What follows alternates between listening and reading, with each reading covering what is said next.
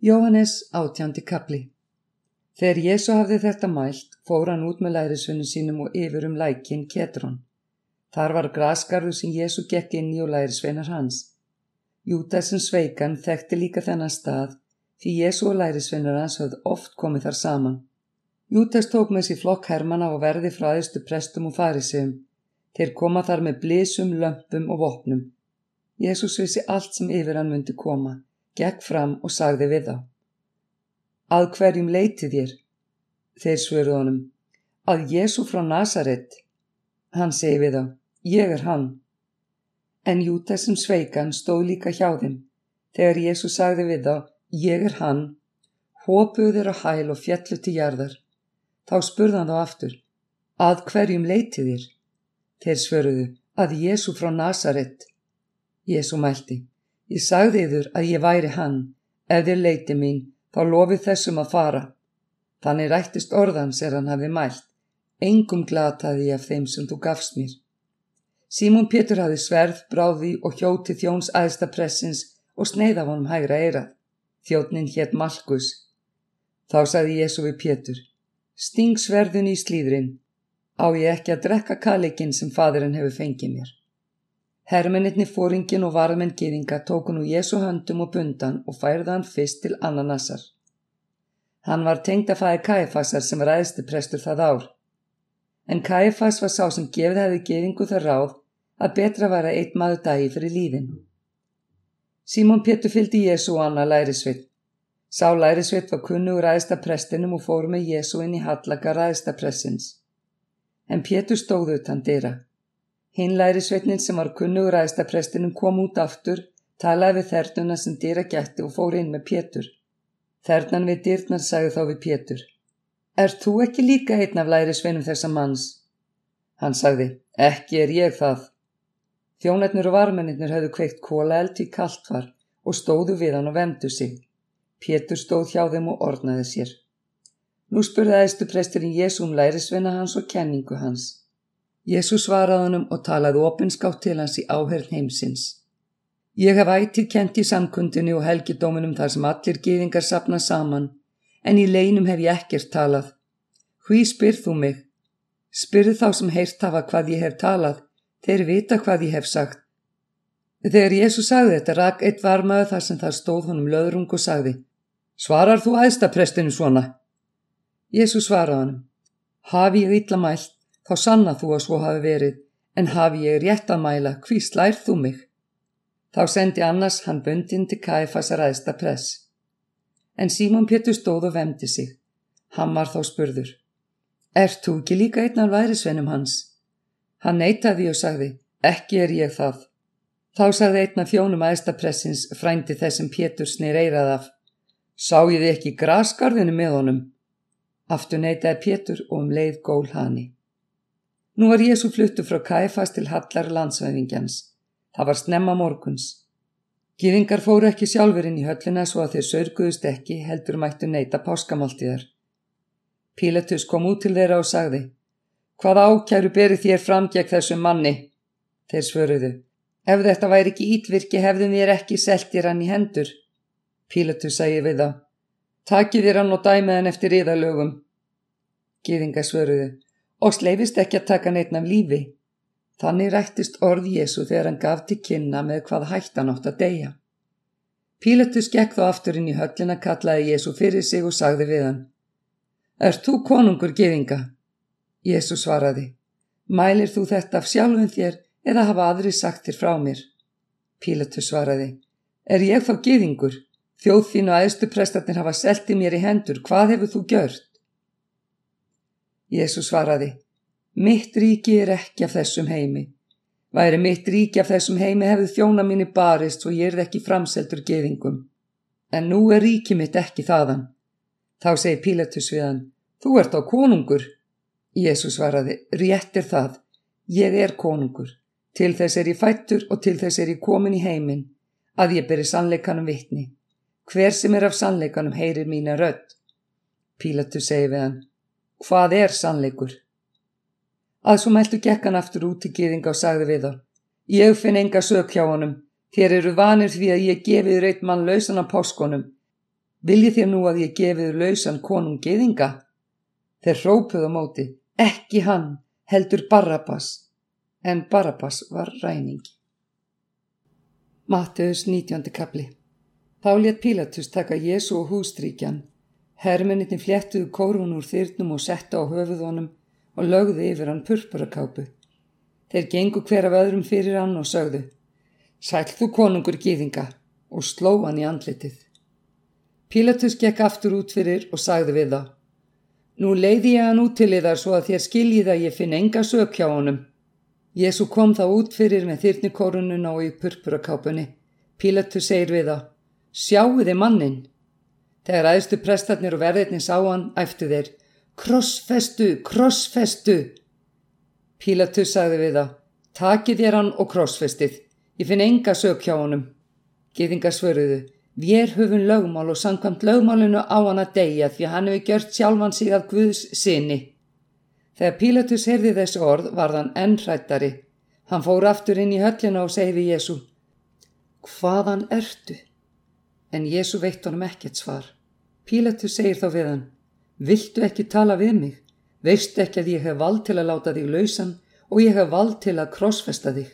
Jésu svaraði, þú hefðir ekkert valdi við mér ef þér væri ekki gefið að það ofan.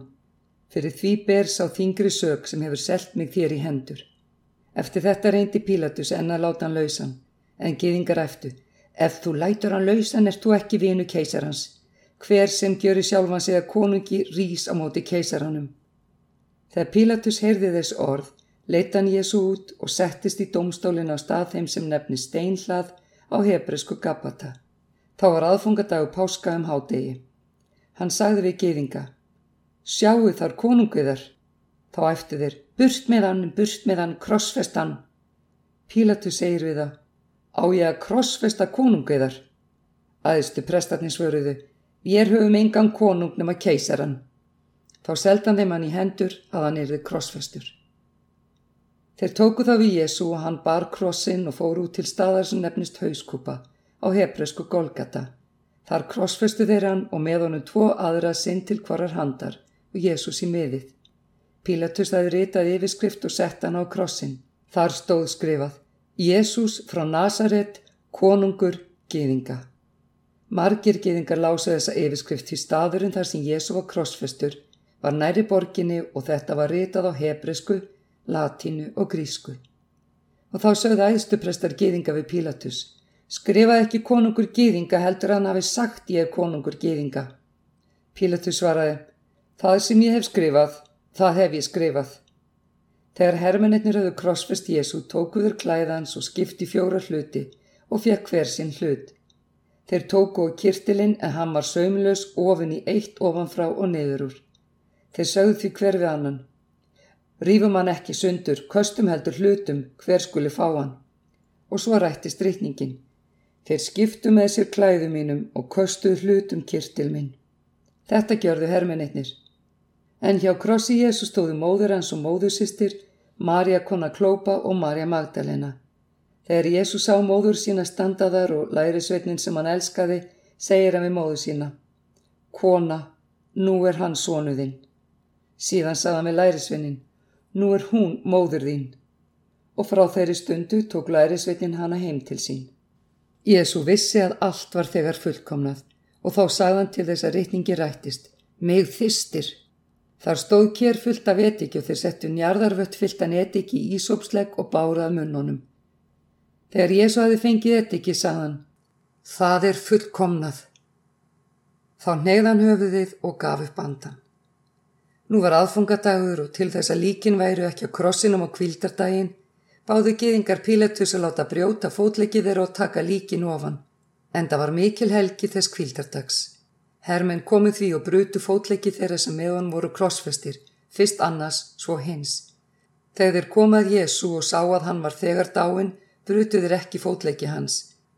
En einn af hermanunum stakk spjóti sínu síðu hans og rann jafnskjótt út blóð og vatn. Sáur séð hefur vittnar þetta, svo þér trúi líka og vittnisspurður hans er sannur. Og hann veit að hann segir satt. Þetta var til þess að rittningin rættist. Ekkert bein hans skal brotið. Og enn segir önnu rittning. Þeir munu horfa til hans sem þeir stungu. Jósef frá Arimatheu sem var lærisveit Jésu en á laun af óta við geðinga bað síðan Pílatus að mega taka ofan líkama Jésu. Pílatus lefði það. Hann kom þá og tók ofan líkama hans. Þar kom líka Nikodemus er fyrrum hafi komið til hans um nótt og hafði með sér blöndu af mirru og aló nær hundra pundum. Þeir tóku nú líkama Jésu og sveipuð hann línblæjum með ilmjörtum eins og gýðingar búa líkti grefturinnar. En á staðnum þar sem hann var krossfestur var graskarður og í gardunum ný gröf sem enginn hafði enn verið lagður í. Þar lögðu þeir Jésu því það var aðfongadagur gýðinga og gröfin var nærri. Jóhannes 20. kapli Fyrsta dag vikunar kemur Marja Magdalena til grafarina svo snemma að enn var myrkur og sér steinin tekin frá gröfinni. Hún hleypur því og kemur til Símona Pétus og hins lærisveinsinn sem Jésu elskaði og segi við þá. Þeir hafa tekið drottin úr gröfinni og við vitum ekki hvar þeir hafa lagt hann. Pétur fór þá út og hinn lærisveitnin og þeir komu til grafarinnar. Þeir hlupu báður saman en hinn lærisveitnin hljó praðar fram úr Pétri og kom á undan að gröfinni. Hann laut inn og sá límblæjurna likjandi en fór samt ekki inn.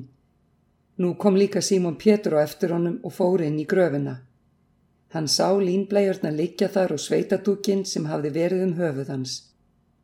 Hann lá ekki með límblæjunum heldur sér samanvafin á öðrum stað. Þá gekk einnig inn hinlærisveitnin sem komið hafi fyrir til grafarinnar. Hann sá og trúði. Þeir höfðu ekki enn skili reikninguna að hann ætti að rýsa upp frá döðum. Síðan fóru lærisvennarnir aftur heim til sín. En Marja stóð úti fyrir gröfinni og grétt. Grátandi laut hún inn í gröfina og sá tvo engla í kvítum klæðum sitja þar sem líka með Jésu hafði leið. Annan til höfða og hinn til fóta. Þeir segja við hana. Kona, hví grætur þú? Hún svaraði. Þeir hafa tekið brott rottin minn og ég veit ekki hvar þeir hafa lagt hann. Að svo mæltu snýrum sér við og sér Jésu standa þar. En hún vissi ekki að það var Jésu. Jésu segi við hana, Kona, hví grætur þú? Að hverjum leitar þau? Hún hjælta að hann væri graskarsvörðurinn og sagði við hann, Herra, ef þú hefur borðað hann burt þá segðu mér hvar þú vil lagt hann svo ég geti sótt hann. Jésu segi við hana, Marja. Hún snýr sér að honum og segir á hebresku, Rabúni. Rabúni þýði mestari. Jésu segi við hana, snertu mig ekki, ég er ekki enn stíin upp til föðurs míns, en farðu til bræðra minna og seg þeim, ég stígu upp til föður míns og föður yðar, til Guðs míns og Guðs yðar. Marja Magdalena kemur og bóða lærisvinnunum, ég hef séð drottin, og hún flutti þeim það sem hann hafi sagt henni. Um kvöldi þennan fyrsta dag vikuna voru lærisvinnarnir saman og hafi læst styrum af ótta við geðinga. Þá kom Jésu, stóð mitt á meðal þeirra og sagði við þá, friður sé með yður. Þegar hann hafði þetta mælt, sínda þeim hendur sínar og síðu. Lærisvinnarnir urðu gladir er þeir sáu drottin og þá sagði Jésu aftur við þá, friður sé með yður, eins og fadurinn hefur sendt mig, eins sendi ég yður. Og er hann hafið sagt þetta, andaðan á þá og sagði, meðtakið heilagan anda. Ef þér fyrirgefið einhverjum syndirnar eru þar fyrirgefnar. Ef þér sinjið einhverjum fyrirgefningar er þeim sinjað. En einn af þeim tólf, Tómas, nefndu tvýpuri, var ekki með þeim þegar Jésu kom.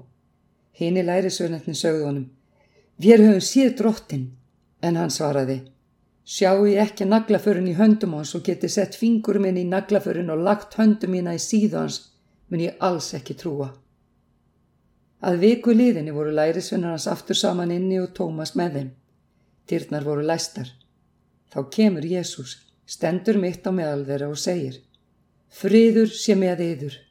Síðan segir hann við Tómas Kom hingað með fingurðin og sjá hendur mínar og kom með hönd þína og legg í síðu mína og vertu ekki vantrúaður, vertu trúaður. Tómas svaraði Drottin minn og Guð minn. Jésús segir við hann Þú trúir af því þú hefur séð mig. Sælir eru þeir sem hafa ekki séð og trúa þó. Jésús gerði einni mörg önnur takn í auksinlæri svinna sinna sem eigi eru skráð á þessa bók. En þetta er eitthvað til þess að þér trúið að Jésús sé Kristur, sonur Guðs og að þér í trúni eigi líf í hans nafni. Jóhannes 21. kapli Eftir þetta byrtist Jésu lærisvennunum aftur og þá er Tíberías vatn. Hann byrtist þannig. Þeir voru saman Símon Pétur, Tómas kallaði Tvíburi, Nathanael frá Kana í Galilegu, Sebetuðu sinnirnir og tveir enn af lærisvennum hans.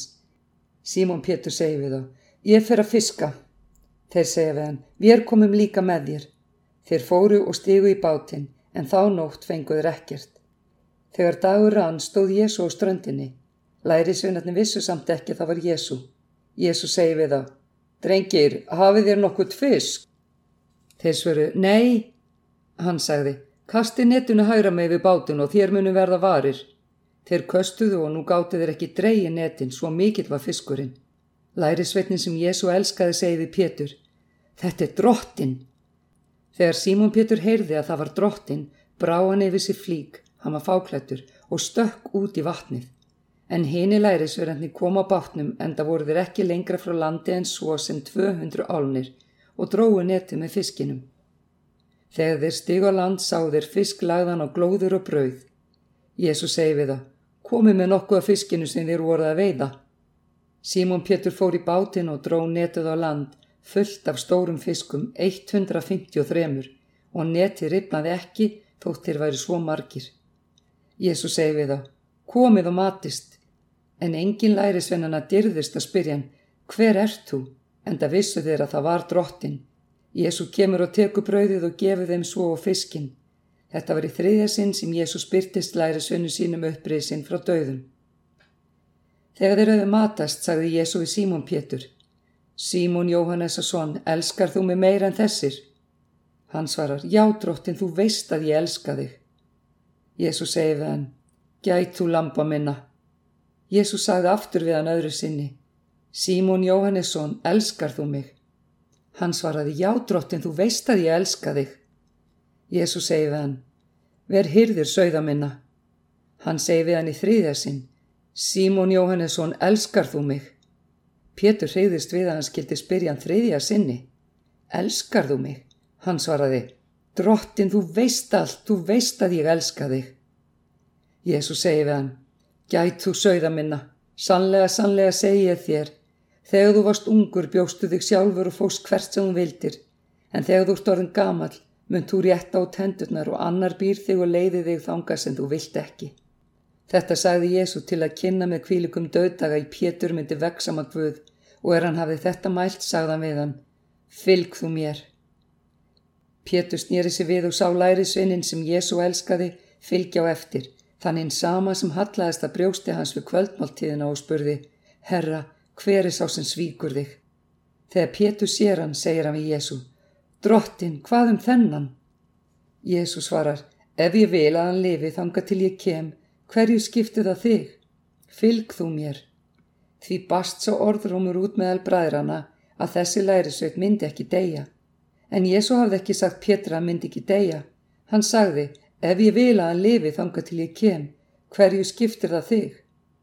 Þessi er lærisveitnin sem vitar um allt þetta og hefur skrifað þetta og við erum vitum að vitninsburður hans er sannur. En margt er það annað sem Jésu gjörði og erði það hvað einu uppskrifað, ætla ég að öll veröldin myndi ekki rúma þær bækur sem þá erðu ritaðar.